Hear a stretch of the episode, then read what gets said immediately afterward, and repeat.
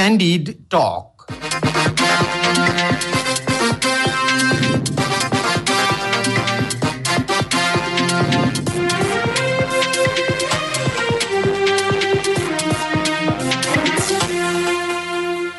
नमस्कार क्यान्डिड टकमा तपाईँलाई स्वागत छ। म तेजेन्द्र काफले। रेडियो क्यान्डिडको प्रस्तुति कार्यक्रम क्यान्डिड टक तपाईँले शनिबार बाहेक हरेक दिन बिहान साढे छ बजेबाट सात बजेसम्म आधा घण्टा सुन्दै आउनु भएको छ। समसामयिक विषयमा कुराकानी हुने यो कार्यक्रम तपाईँले काठमाडौँ उपत्यका र आसपासका जिल्लामा नाइन्टी टू पोइन्ट सेभेन मेगाहर्जमा रेडियो क्यान्डिडको आधिकारिक फेसबुक पेजमा हाम्रो पात्रमा रेडियो क्यान्डिडको एप्स डाउनलोड गरेर र पोडकास्टमा समेत सुन्दै आउनु भएको छ। संघीय संसदको अधिवेशन हिजो शुरू भएको छ तर पहिलो दिन नै दुवै सदनको बैठक प्रभावित बन्यो। कारवाही गरेका चौधजना सांसदलाई निर्णय प्रक्रियामा नलगेको भन्दै एमाले उनीहरूको प्रवेशमा रोक लगाउनु पर्ने माग गर्दै बैठक चल्न दिएन। एमालेको अवरोधका बीच सरकारले संसदमा दल विभाजन सम्बन्धी अध्यादेश भने टेबल गरेको छ। आजको कार्यक्रम क्यान्डी टकमा हामी यो र यस्तै विषयमा केन्द्रित भएर कुराकानी गर्दैछौ। कुराकानीका लागि यो बेला एमाले संसदीय दलका उपनेता एवं पूर्व सभामुख सुभाष नेमाङ हाम्रो प्रत्यक्ष टेलिफोन सम्पर्कमा हुनुहुन्छ। नेमाङज्यू स्वागत छ क्यान्डी टकमा यहाँलाई। हजुर धन्यवाद नमस्कार। विषयहरू त धेरै भइरहेसकेका छन् तर तपाईँबाटै जान्न चाहे। संसदको अवरोध हिजो किन? वास्तवमा यस बिचमा धेरै एउटा दुःख लाग्ने खालका र यस्तो नहोस् भन्ने खालका। र यो कल्चरको रूपमा विकास भयो भने यसले हाम्रो संविधानलाई हाम्रो प्रणालीलाई अप्ठ्यारो बनाउँछ भन्ने हामीलाई लागेको छ। हामीले बारम्बार विनम्रतापूर्वक यो कुरा उठाएका छौँ। जस्तो उदाहरणको लागि भन्नुहोस् यो गएको पटक यो हाम्रो संसद साथीभाइहरूकै माग अनुसार सर्वोच्च अदालतले पुनस्थापित गरिदिएको संसद। एउटा सिङ्को नबाँचिकन तिस दिनभन्दा बढी काम गरेर तर एउटा सिङ्को नबाँचिकन जसलाई सरकारले एउटा बिजनेस दिन सकेन। हठात अचानक मलाई श्रावण बत्तिस गते जस्तो लाग्छ। मलाई त्यो दिन अझै सम्झना छ। हामीले अफगानिस्तान लगायतको विषय उठाएका थियौँ। सरकारको ध्यान आकर्षण गराउन खोजेका थियौँ। सभामुखीले रुलिङ गर्नुभयो। म सरकारलाई अर्को बैठकमा उपस्थित हुन आदेश गर्छु। यसबारेमा जानकारी गराउन।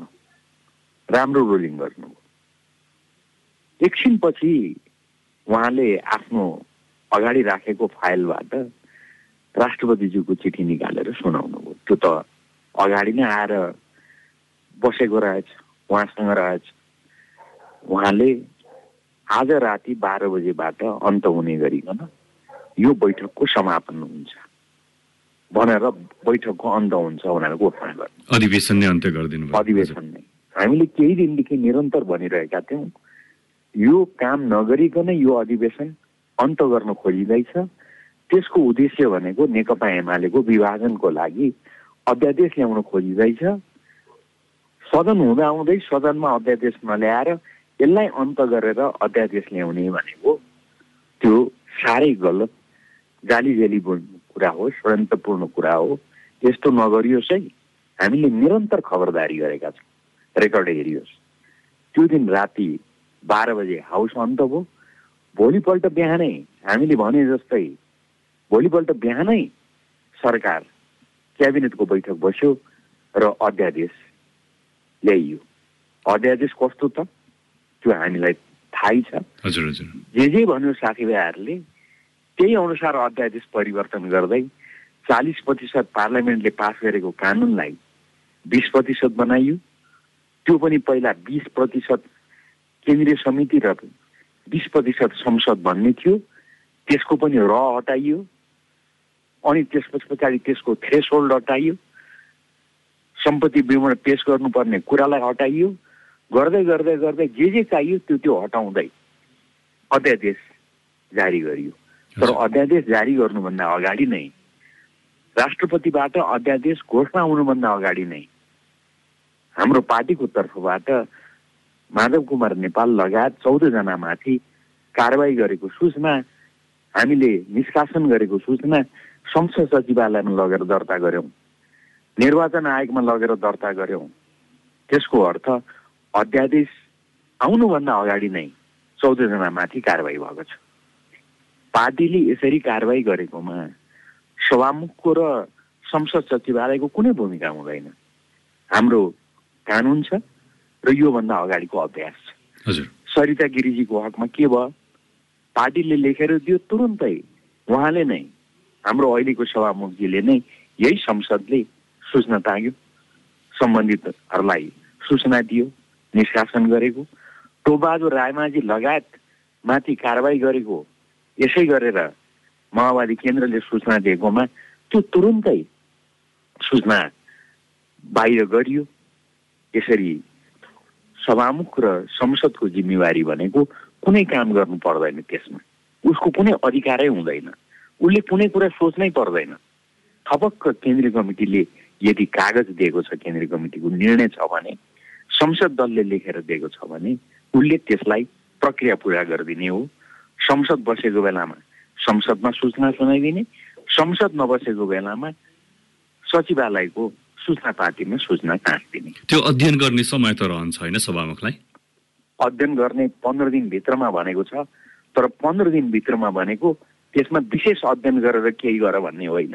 हजुर। एक मिनटमा हेर्न सक्छ त्यो के हो त भन्दा केन्द्रीय कमिटीको निर्णय सँगै छ कि छैन र त्यसमा संसद दलले लेखेर दिएको छ कि छैन होइन त्यो त यहाँहरूले कारवाहीको लागि नामहरू दिनुभएको थियो। त्यसकारण यो छोटो समयमा पनि अध्ययन गर्न सकिन्छ भनेर भन्नु भन्ने रह्यो। यहाँको विचार पनि रह्यो यहाँको मागहरू पनि रह्यो।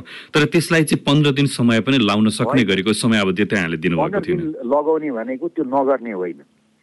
पन्ध्र दिनभित्रमा भनेको एउटा सीमा तोकिदिएको मात्रै हो। हजुर। किनभने उहिले त एक वर्ष डेढ वर्ष दुई वर्ष पनि नगरेको चलन थियो। जति बेला कानुन अर्कै थियो। त्यसैले हामीले यो कुरालाई रोक्न कानुनलाई परिवर्तन गऱ्यौँ। र अहिले आयौँ। र यस अन्तर्गत के भयो त?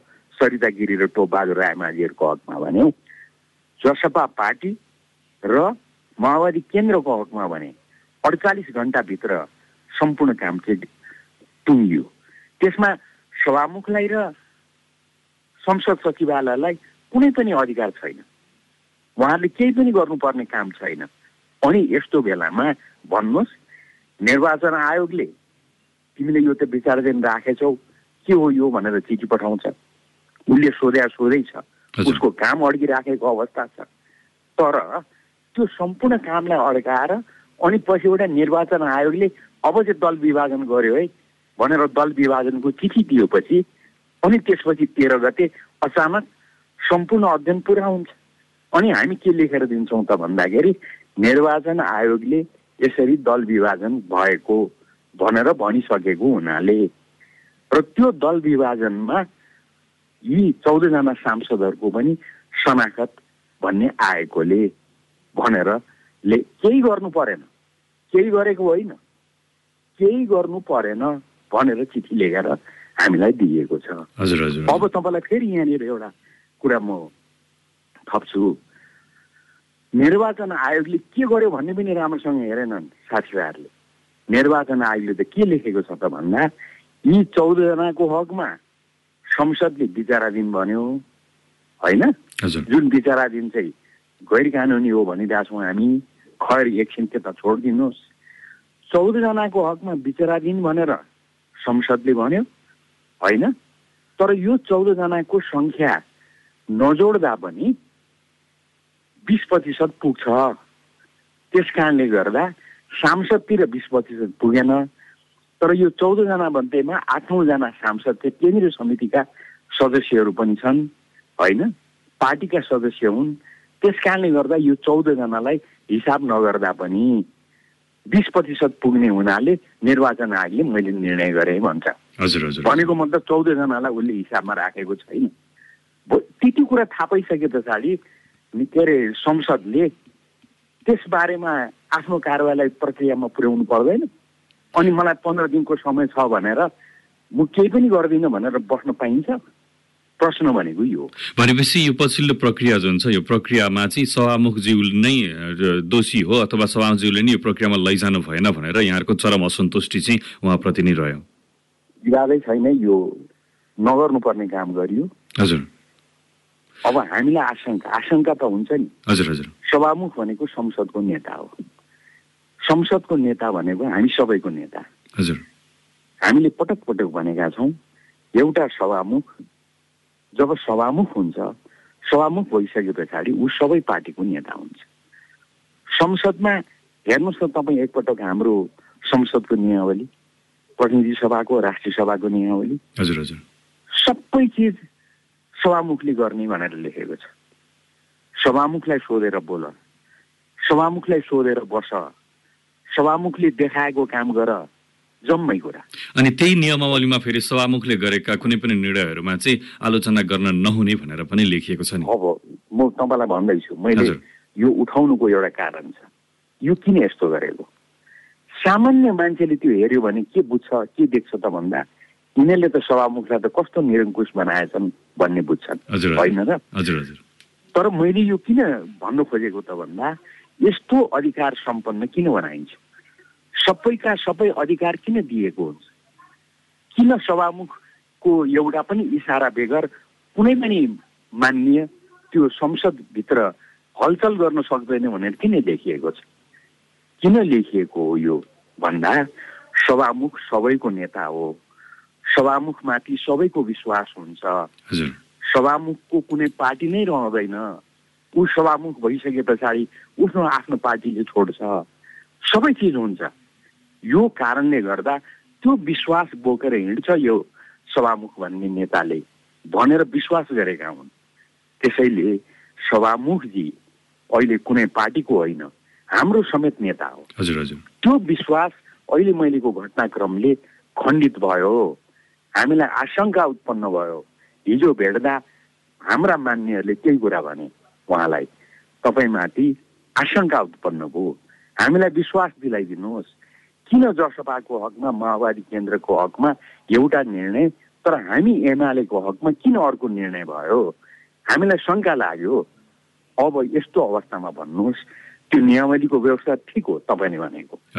तर यस्तो विश्वास नै हल्लियो पछाडि। अनि त्यो नियमावलीले काम गर्छ?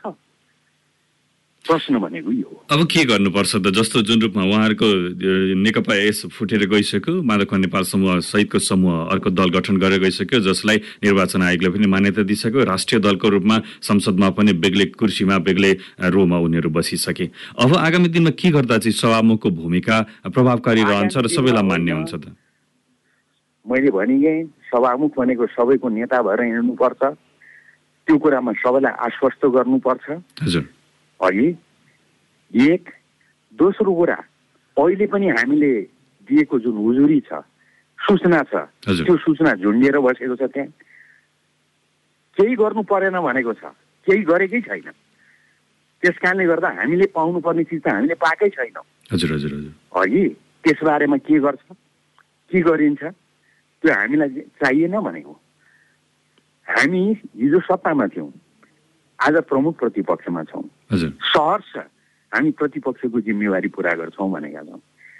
हामी कस्तो पार्टी कस्तो शक्ति हौँ त भन्दाखेरि सर्वोच्च अदालतमा हाम्रो मुद्दा संसद विघटन सम्बन्धी मुद्दा रह्यो। त्यसमा प्रधानमन्त्रीज्यूको आफ्ना तर्कहरू थिए। तर सर्वोच्च अदालतले त्यसलाई मानेन। सर्वोच्च अदालतले गरेका फैसलामा थुप्रै बुदाहरूमा हाम्रा असह असहमतिहरू छन्। अहिले म त्यता जान्न चाहन्न। तर त्यो असहमतिका बावजुद सर्वोच्च अदालतले फैसला गर्न साथ हेर्नुहोस् त। प्रधानमन्त्रीले के भन्नुभयो हामीले के भन्यौँ? हाम्रा थुप्रै असहमति हुँदा हुँदै पनि सर्वोच्च अदालतको फैसलालाई हामी कार्यान्वयन गर्छौँ। हजुर। हामी संसदमा आयौँ प्रतिपक्षको ठाउँमा गएर बस्यौँ प्रतिपक्षको भूमिका निर्वाह गऱ्यौँ। हामी त त्यो ढङ्गले सोध्छौँ तर हामीलाई यो राज्यले यो संस्थाले अन्याय गर्यो। यसले हामीसँग भेदभाव गरिरहेछ भनेर जब हामीलाई पर्छ त्यति बेला त्यो देशको सबै प्रक्रियाहरू ठिक ढङ्गले चल्छ। प्रश्न भनेको यो अब जसरी यहाँहरू प्रस्तुत भइरहनु भएको छ र हिजोको मात्रै एउटा मात्रै उदाहरण लिने हो भने जसरी सरकार प्रस्तुत भयो यहाँहरूले विरोध गरिरहेको यहाँले कुनै पनि शर्तमा मान मान्दैनौँ हामी भनेर भनिरहेको विधेयक नै दल विभाजन सम्बन्धी विधेयक नै हिजो यहाँहरूको विरोधका बीच सरकारले टेबल गरेको छ। अब आगामी दिनमा तपाईँहरू विरोध गर्दै जाने सरकारले यसरी नै अवरोधका बीच आफ्नो प्रक्रिया अगाडि बढाउँदै जाने हो भने व्यवस्थापिकाको अवस्था के रहन्छ? व्यवस्थापिका होइन सिङ्गो जुन प्रक्रियाहरू छन् त्यो प्रक्रियाहरूको लागि यो चुनौती हो। यसले अप्ठ्यारो स्थिति उत्पन्न गर्छ। हजुर। एउटा कुरा त के भनिदिउँ भन्दा प्रमुख प्रतिपक्ष भनेको के हो? यो प्रमुख प्रतिपक्ष भनेको राज्यको अभिन्न अङ्ग हो। हजुर हजुर हजुर। राज्यको अङ्गको रूपमा लिइन्छ। यिनीहरू सरकारबाट झरेर प्रमुख प्रतिपक्ष भएका छन्। त्यस कारणले गर्दा यिनीहरूको कुनै मा के अरे उनै छैन। मतलबै छैन। भनिँदैन। संसदीय प्रणालीमा प्रमुख प्रतिपक्षलाई राज्यको अभिन्न अङ्ग मान्दै यसलाई गभर्मेन्ट इन वेटिङ भनिन्छ। हाम्रो दाबी छैन। हामी त जनतामा जाउँ चुनाव गरौँ चुनावबाट जसले जित्छ जित्छ भन्ने मान्छे हौँ। हाम्रो त त्यो माग छ। हामी त्यो लोकतन्त्रमा विश्वास गर्छौँ। त्यस कारणले हाम्रो अन्यथा केही छैन। तर प्रमुख प्रतिपक्ष भनेको राज्यको अभिन्न अङ्ग हो। तपाईँ हेर्नुहोस् त यो सरकार आइसके पछाडि मतलब यो गठबन्धन यो अचम्मको जुन गठबन्धन छ त्यसका पनि थुप्रै पक्ष छन्। म त्यता अहिले जान्न चाहन्न। है त्यो आफै दूषित छ। त्यस कारणले गर्दा होला यी सबै कुराहरू देखा परिरहेछ। जति बेला दल विभाजन भएको थिएन दल विभाजन नभएकै बेलामादेखि हाम्रो दलका केही साथीहरू गठबन्धनमा हुनुहुन्थ्यो हजुर हजुर। त्यो गठबन्धन ठिक भयो। प्रधानमन्त्रीलाई चुनावै राख्नु भोटै हाल्नु भयो होइन? म अहिले व्याख्या गर्दिनँ। तर दूषित गठबन्धन भन्छन् यसलाई। अब निमाङज्यू जसरी यहाँहरू प्रस्तुत भइरहनु भएको छ जसरी संसदको हिजोको जस्तो खोटी देखेर चाल पाइयो भने जस्तो यहाँहरूको जुन रूपमा हिजो चाहिँ प्रस्तुति भयो सभामुखज्यूले जुन रूपमा रुलिङ गर्नुपर्ने थियो व्यवस्था गरेर लानुपर्ने थियो त्यो भएन। अब नेकपा यस फुटेर गइसक्यो माधवका नेपालहरू अर्को दल गठन गरेर गइसक्नुभयो यहाँहरूले पनि कारवाही गर्नुभयो केन्द्रीय कमिटीमै तपाईँहरू हुनुहुन्न भनेर। एक प्रकारको असन्तुष्टिको चरम बिन्दु अहिले यहाँहरूमा चलिरहेको छ। दल नै फुटेर गइसक्यो। अब छाडिदिनुहोस् न त यति धेरै रोइलो किन भोलिको दिनमा चुनावी मैदानमा हराउनुहोस् उहाँहरूलाई। त्यसो गरे हुन्न? होइन म मेरो कुरा प्रष्ट गर्दैछु। हजुर। र मैले भन्दैछु अहिलेको सरकारको हामीप्रतिको व्यवहार के? यो तपाईँहरू सबैले सिङ्गो समाजले यसलाई सुन्नुपर्छ र हेर्नुपर्छ। त्यो के हो त भन्दाखेरि उहाँको प्रतिपक्षपतिको धारणा उहाँले राज्यको अङ्ग मान्नु भएन। यो गभर्मेन्ट इन वेटिङ शक्ति हो है योसँग समझदारी राखेर अगाडि बढ्नुपर्छ भन्नु भएन। हिजो केपी ओली प्रधानमन्त्री हुँदाको स्थिति हेर्नुहोस् त। निश्चय पनि प्रमुख प्रतिपक्षको गुनासो हुन्छ। तर त्यति बेला प्रत्येक काम कारबाहीहरूमा प्रत्येक निर्णयहरूमा उहाँहरूसँग छलफल छ। सर्वदलीय बैठकहरू बसेका बसेकै छन्। प्रमुख प्रतिपक्षसँग मात्रै छुट्टै बैठक बसिराखेको छ। शेरबहाजी अहिलेका प्रधानमन्त्रीज्यूलाई भेट्नको लागि त केपी ओलीको तर्फबाट पार्टीको तर्फबाट म निरन्तर बुढानीगण्ठमा उपस्थित भएको छु। हामीले यो सम्बन्ध किन राखेको? प्रमुख प्रतिपक्षसँग सम्बन्ध राखेको। तर अहिले यो भन्नुहोस् त सर्वोच्च अदालतले आदेश दिएर स्थापित गरेको यो सरकार। जनताको जनादेशबाट होइन संसदबाट निर्णय भएर होइन। त्यो सरकार आउन साथ हामीसँगको सम्बन्ध बोलचाल छैन। हेलो छैन। हेर्नुहोस् है। उहाँहरूले हिजो अस्ति साझा नीति कार्यक्रम ल्याउनुभयो। साझा नीति कार्यक्रम पल्टाएर हेर्नु हेरिदिनुहोस् त। त्यसको प्रस्तावनामा के लेखिएको छ। जस्तो नि नेमाङ चाहिँ हिजो तपाईँहरू सरकारमा हुँदाखेरि पनि त विपक्षीको अस के अरे स्वीकृति बिना अथवा समर्थन बिना नै केही कामहरू त भए। जस्तो दल विभाजन सम्बन्धी अध्यादेश चालिस प्रतिशतकै प्रावधान राखेर होस् तपाईँहरूको नेतृत्वको दलले सरकारले पनि ल्याएकै थियो। संसद विघटनको कुरा जुन कार्यक्रमको सुरुवातमा यहाँले गर्नुभयो संसदको अधिवेशन अन्त्य पछाडि विधेयक ल्याइयो यो विधेयक भनेर भन्नुभयो। यहाँहरूले पनि नागरिकता सम्बन्धी विधेयक त्यसरी नै ल्याउनु भएको थियो। आखिर प्रक्रिया त त्यति रहेछ नि होइन? तपाईँहरूले गर्दाखेरि चाहिँ त्यो एकदम जायज भएर जाने। अहिलेको प्रतिपक्षमा गइसकेपछि अहिलेको सरकारले ल्याउँदाखेरि चित्त नाजायज हुने यो कस्तो प्रक्रिया रहन्छ र? होइन। मैले त्यसलाई म प्रश्न गर्छु। तपाईँले उठाएको कुरा ठिक हो। अझै एउटा कुरा म भनिदिउँ अध्यादेशको मामलामा त म म त अनुधार हो। मलाई अनुधार भन्छन्।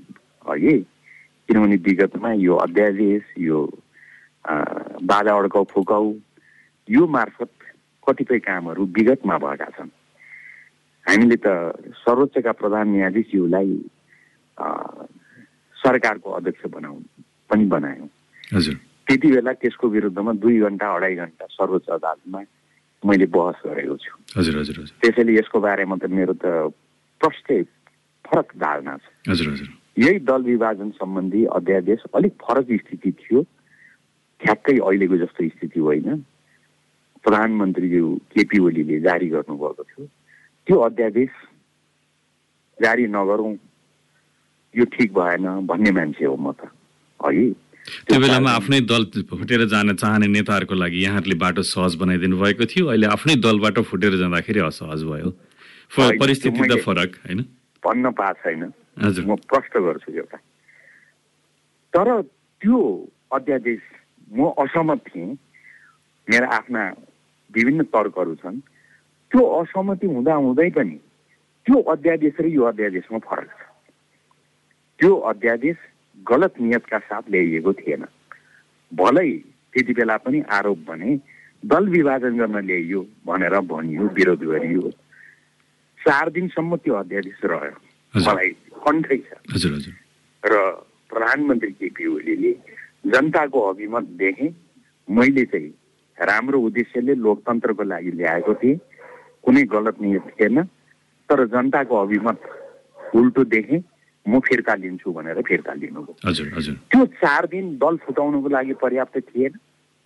पर्याप्त थियो। अहिले त हामीलाई त एक दिनमा फुटाइयो। हजुर हजुर हजुर। किनभने अध्यादेश जारी हुन पाएको छैन दल विभाजनको प्रक्रिया सुरु भयो निर्वाचन आयोगमा दल विभाजन गरियो दुई दिनभित्रमा। अब भन्नुहोस् त्यो चार दिनमा दल विभाजन कुनै पनि दल विभाजन भएन। त्यसैले त्यसको नियत गलत थिएन। फरक छ अहिलेको र चालिस। प्रतिशत पुर्याउन नसकेको पनि हुन सक्छ नि अनि त्यो चालिस प्रतिशत राखिएको थियो। किनभने पार्लियामेन्टको कानुन चालिस भन्ने थियो। त्यसैले त्यसलाई खालि वा संसदमा चालिस प्रतिशत सांसदहरूले जब सिद्धान्त म पार्टीमा बस्न सक्दिनँ भन्छ भने उसले फुट्न पाउनुपर्छ यो संसारभरिको प्रचलन हो भनेर उहाँको तर्क थियो। खैर त्यसमा पक्ष र विपक्ष हुन सक्छ। प्रश्न भनेको यो हो। तर खालि अहिले मैले भन्न खोजेको कुरा के हो त भन्दा तपाईँ हामीले कस्तो सिस्टम बसाउने कस्तो सिस्टम बसाउन चाहेको हो? प्रतिपक्ष र सत्ता पक्षको हेलो नै नहुने गरिकन हामी जाने हो। शत्रुतापूर्ण ढङ्गको भावना स्थिति राखेर हामी अगाडि बढ्ने हो। यो कुरा ठिक होइन भन्ने हाम्रो भनाइ हो। अब नेमाङजु करिब छ मिनट हामीसँग बाँकी छ। अब म आगामी योजनाको बारेमा सोध्छु। जस्तो एमालेलाई एमालेको नेतृत्वमा रहेको सरकारले दुई पटक प्रतिनिधि सभा विघटन गर्यो। सरसर्ती हेर्दाखेरि साधारण नजरमा हेर्ने हो भने एमालेलाई प्रतिनिधि सभा नै चाहिएको थिएन भनेर अर्थ लगाउन पनि त्यहाँ सकिन्छ। संसदमा जुन हिजो प्रस्तुति हिजोको प्रस्तुति छ हिजोबाट अधिवेशन सुरु भएको छ एमालेको प्रस्तुति र रणनीति एमालेको आगामी दिनमा संसदीय भूमिका के रहन्छ त अब? संसदीय प्रणालीका हामी पक्षधर हौँ। यसमा कुनै पनि इफबट छैन। हजुर। हामी संसदीय प्रणालीलाई बलियो बनाउन चाहन्छौँ। संसदीय प्रणाली देश र जनताको पक्षमा प्रभावकारी होस् भन्ने हामी चाहन्छौँ। तर एउटा कुरा भनौँ त यही संसदको विघटनको बारेमा व्यक्तिगत रूपमा भन्नुहुन्छ भने मेरा आफ्ना केही धारणाहरू छन्। त्यो हिजो पनि आएका थिए। पहिलो संसद विघटन गर्दा प्रधानमन्त्री केपी ओलीसँग मैले यो संसद विघटन नगरौँ। यसका यी यी पक्षहरू छन् यो मेरो छुट्टै धारणा छ। भने लामो समय मौन बस्नुभयो पछाडि धारणा सार्वजनिक गर्नुभयो हजुर मेरो मेरो तपाईँहरूलाई आग्रह छ लामो समय मौन भन्ने कुरालाई पनि जस्ताको जस्तै राख्नुपर्छ। जति बेला संसदमा मुद्दा सर्वोच्च अदालतमा प्रस्तुत भयो त्योभन्दा अगाडिसम्म मैले बोलेको छु। हजुर हजुर। मैले प्रधानमन्त्रीजीलाई आफ्नो कुरा प्रष्ट शब्दमा भनेको छु। राजनीति कानुन र विभिन्न कारणहरूले यो ठिक छैन भनेको छु। तर जब सर्वोच्च अदालतमा मुद्दा दायर भयो मुद्दा दायर भएपछि अघि ठ्याक्कै तपाईँले उठाउँदै हुनुहुन्थ्यो नि कुरा। सर्वोच्च अदालतमा मुद्दाले प्रवेश पाएपछि त्यसको बारेमा बोल्ने नबोल्ने के छ? भन्दाखेरि नबोलौँ भन्ने चाहिँ मेरो मान्यता हो किनभने। संविधानमा यो उल्लेख छ। म त्यसको मान्यतामा विश्वास गर्छु। तर त्यो मान्यतामा त म मात्रै विश्वास गर्छु। अरूलाई हेर्नुहोस् त। अहिलेका गठबन्धनका साथीहरूले त्यसमा विश्वास गर्नुभयो त्यति बेला सर्वोच्च अदालतमा मुद्दा विचाराधीन रहँदा को को पूर्व प्रधानमन्त्री जस्तो लाग्छ मलाई बिर्सेँ अहिले मैले? भन्दा पनि मैले खास जान्न चाहेको होइन मैले यो कुरा भनिदिनुपर्छ। छातीमा प्ले कार्ड टाँगेर जुलुस निस्किएको होइन। त्यस कारणले संसदको विचाराधीन मुद्दामा बोल्नु हुँदैन भनेर विश्वास गर्ने मान्छे मै हो। माइतीघर मण्डलामा। उहाँहरू पलाटी कसरी बस्नु भएको थियो? बस्नुभयो। हजुर। त्यस कारणले अब म तपाईँको प्रश्नमा छोटकरीमै आउँछु। हजुर। त्यसैले संसद प्रभावकारी हुनुपर्छ। संसदले आफ्ना कल्चर जुन छ त्यसलाई मानेर अगाडि बढ्नुपर्छ। त्यसमा विवादै छैन। हजुर हजुर। यसरी कसरी चल्छ भन्ने तपाईँको प्रश्न हो। अब यहाँ हाम्रा तात्कालीन प्रधानमन्त्री पार्टी अध्यक्षले पहिलो विघटनमा पनि दोस्रो विघटनमा पनि उहाँको निरन्तरको भनाइ थियो उहाँका आफ्ना विश्लेषण थिए र उहाँले के भन्नुभएको थियो त भन्दाखेरि संसदले अहिलेको यो संसदले यो विभिन्न कारणले आफ्नो पार्टीभित्रका देखा परेका यस्ता किसिमका प्रवृत्तिहरूले संसदले काम गर्न सकेन। हेर्नुहोस् त उहाँले जे भन्यो त्यो कुरा त देखियो। पहिलो विघटन पश्चात संसद पुनस्थापित भएर आयो त्यसले सिङ्को भाँचेन फेरि त्यस पछाडि चाहिँ उहाँले बाध्यतावश भन्ने छ तर्क उहाँको। त्यो संसद दोस्रो पटक विघटन भयो। होइन सिनको। सिनको भाँचेन भनेर तपाईँले भन्न भन्नुहोस् त हजुर। त्यो त। सरकारले बिजनेस दिने हो नि। सरकारले बिजनेस। दिने हो तपाईँहरूको नेतृत्वमा सरकार थियो नि होइन र? त्यति बेला एमाले बिजनेस दिएन भनेर भन्न पनि पाइयो नि त्यहाँ त। त्यति बेला हाम्रो ठिक हो। मैले त्यसलाई कहाँ अन्यथा मानेको छु सरकारले बिजनेस दिनुपर्ने हो सरकारले दिन नसकेकै हो। किन दिन सकेन सरकारले त्यति बेला? किनभने आफ्नो पार्टीको हविगत यस्तो छ। आफ्ना पार्टीका साथीभाइहरू त विपक्षीसँग गठबन्धन बनाएर हिँड्नु भएको छ। मेरो एउटा कुरा आग्रह हो कि त्यसरी खुलेआम एउटा पार्टीका साथीभाइहरूले अर्को पार्टीसँग विपक्षी गठबन्धन बनाएर हिँड्नु मिल्छ? हाम्रो संसदीय। कल्चरले के भन्छ? गलत कुरालाई त गलत भनिदिउँ न। हजुर। लगभग अन्त्यमा। छौँ नेमाङज्यू हामी लगभग कार्यक्रमको अन्त्यमा छौँ। अब जान्नै पर्छ मैले कि जस्तो एमाले आगामी दिनमा कसरी प्रस्तुत हुन्छ त? के गर्दाखेरि सहमति हुन्छ र के गर्दाखेरि संसदीय गतिविधि सहज भएर जान्छ? संसदभित्रका राजनीतिक दलहरूलाई संसद न सञ्चालन गर्ने साथीहरूले म तपाईँहरू सबैको हुँ भनेर चाहिँ विश्वास दिलाउनुपर्छ। विश्वास दिलाउने आधार तयार गर्नुपर्छ। अहिले पनि संसदमा हामीले दिएको त्यो सूचना झुन्डिएर बसेको छ। उहाँहरूले कुनै पनि काम गर्नु भएन। गर्नु परेन भन्ने छ उहाँहरूको निर्णय। त्यसैले उहाँहरूले त्यसमा निर्णय गरेर सूचना झुन्ड्याउनु पर्छ। हजुर हजुर हजुर। त्यसलाई लिएर के हुन्छ? त्यो कहिले हामी जाउँला? कहिले अरू साथीहरू जानु होला सर्वोच्च अदालत जानु होला त्यस कारणले बाटो प्रशस्त गर्नुपर्छ। तर हामीसँग जुन प्रकारको भेदभावपूर्ण व्यवहार भयो त्यो व्यवहार चाहिँ त्यहाँनिर कायम रहने हो भने हामी कुन मनले काम गर्ने हाम्रो प्रश्न भनेको यो हो। भनेपछि सहज रूपमा एउटा निकास विकल्प मध्यमार्गी बाटो खोज्न सकिन्छ भन्ने यहाँको सङ्केत रह्यो होइन? त्यो त म त सदा सर्वदा त्यो बाटो खोज्न सकिन्छ भन्ने। चौधजनालाई कारवाहीको सूचनै नआए पनि यहाँहरू चाहिँ अर्को बाटोबाट पनि सहमति खोजेर अगाडि बढ्न सकिन्छ भनेर भन्न खोज्नु होइन यहाँले? चौधजनाको सूचना त आउनुपर्छ। त्यो नआएर त्यसरी झुन्ड्याएर राख्नु हुँदैन। कुनै पार्टीको हकमा आउने। कुनै पार्टीको हकमा नआउने भयो भने त त्यो सिस्टम सिस्टमको रूपमा कसरी चल्छ? मैले बिचमा कार्यक्रमको बिचमा एउटा प्रश्न पनि यहाँलाई राखेको थिएँ। त्यसको जवाफ यहाँले दिनुभएन अर्को उत्तर दिइरहनु भएको थियो। यो फुटेर त गइसक्यो अब फेरि चौधजनालाई कारवाही गरेर अगाडि जाउँ भनेर यो किन रहेर चुनावी मैदानमा हराइदिनुहोस् न भनेको थिएँ। होइन एउटा कुरा नि हामीले निर्वाचन आयोग बनाएका छौँ। हजुर। हाम्रो अगाडि सर्वोच्च अदालत छ। हाम्रो अगाडि संसद छ एउटा संस्थाको रूपमै काम गर्नको लागि। त्यो संस्थाले यसरी काम गर्नुपर्छ। हामी सबैलाई आश्वस्त हुने ढङ्गले अगाडि बढ्नुपर्छ भनेर हामीले उठाएको प्रश्न यदि जिन्युन छ भने त्यसलाई निष्कर्षमा पुर्याउनु पर्दैन भनेको। त्यस कारणले चुनावमा जाने कुरा त छँदैछ। हजुर हजुर। यो सम्पूर्ण समस्याहरूको जड भनेको जनतामा नगएर हो जनतामा जाउँ जनताले जे निर्णय गर्छ त्यसलाई दुधको दुध पानीको पानी गर्छ त्यसलाई स्वीकारेर बसौँ। भन्ने कुरा त हाम्रो प्रमुख कुरा छँदैछ यो सबै चिजको औषधि भनेको जनतामा जाने कुरा हो। भनेपछि तपाईँहरू अबको दिनमा माधव नेपाल बेदुराम भूषाल रामकुमारी झाँक्री लगायत जति पनि नेताहरू सांसदहरू केन्द्रीय सदस्यहरू पार्टी फुटाएर जानुभएको छ उहाँहरूको बीचमा जोडिएको पूर्व एमाले नेता समेत हटाउन चाहनुहुन्छ होइन? हामीले त हाम्रो पार्टी छोडेर पार्टी नै विभाजन गरेर गइसके पछाडि। हजुर। होइन? गइसके पछाडि हामीले पार्टीले के गर्नुपर्छ? हामीले पार्टीको रेकर्डबाट उहाँहरूको अभिलेखलाई मेट्यौँ हटायौँ। हजुर हजुर। तर देशको सिस्टमले के गर्नुपर्छ? त्यो हाम्रो हकमा चाहिँ के गर्नु पर्थ्यो भन्ने हाम्रो प्रश्न हो। हजुर हजुर यसलाई लिएर तपाईँले भन्नुभयो कुरा त सिद्धियो नि। कुरा सिद्धियो होइन। हामीले समयमा सबै कुरा अगाडि बढायौँ। संसदमा चिठी लेखेर दियौँ संसदले त्यसलाई कार्यान्वयन गरेन। सर्वोच्च अदालतमा मुद्दा गएका छौँ। सर्वोच्च अदालतले यही अठाइस गते अन्तरिम आदेशको लागि बोलाएको छ। अर्को मुद्दा पन्ध्र दिनमा लिखित जवाब आएर तिन दिनभित्रमा पेसी राखेर अगाडि बढाउनु भनेको छ। त्यसैले यो कुरा संसदमा पनि टुङ्गिएको छैन। सम्मानित सर्वोच्च अदालतमा पनि टुङ्गिएको छैन। जनतामा जाने कुरा त छँदैछ। अन्तिममा त जनता नै हुन्। भनेपछि आगामी दिनमा यहाँहरूको समस्या जुन यहाँहरूको माग छ माग सम्बोधन नभइकन र एउटा विकल्प बारेमा छलफल नभएर निकास ननिक्सेसम्म संसदको अवरोध कायम रहन्छ। अन्तिममा बुझ्दाखेरि यसरी बुझौँ। निश्चय पनि हामी यसलाई लिएर एकदमै दृढ छौँ। हजुर। हामी सिस्टम नबत्कियोस् भन्ने चाहन्छौँ। हजुर। त्यसको लागि हामी दृढतापूर्वक उभिएका छौँ। हस् धन्यवाद निमाङज्यू। समय दिनुभयो क्यान्डिड टकको लागि यहाँले।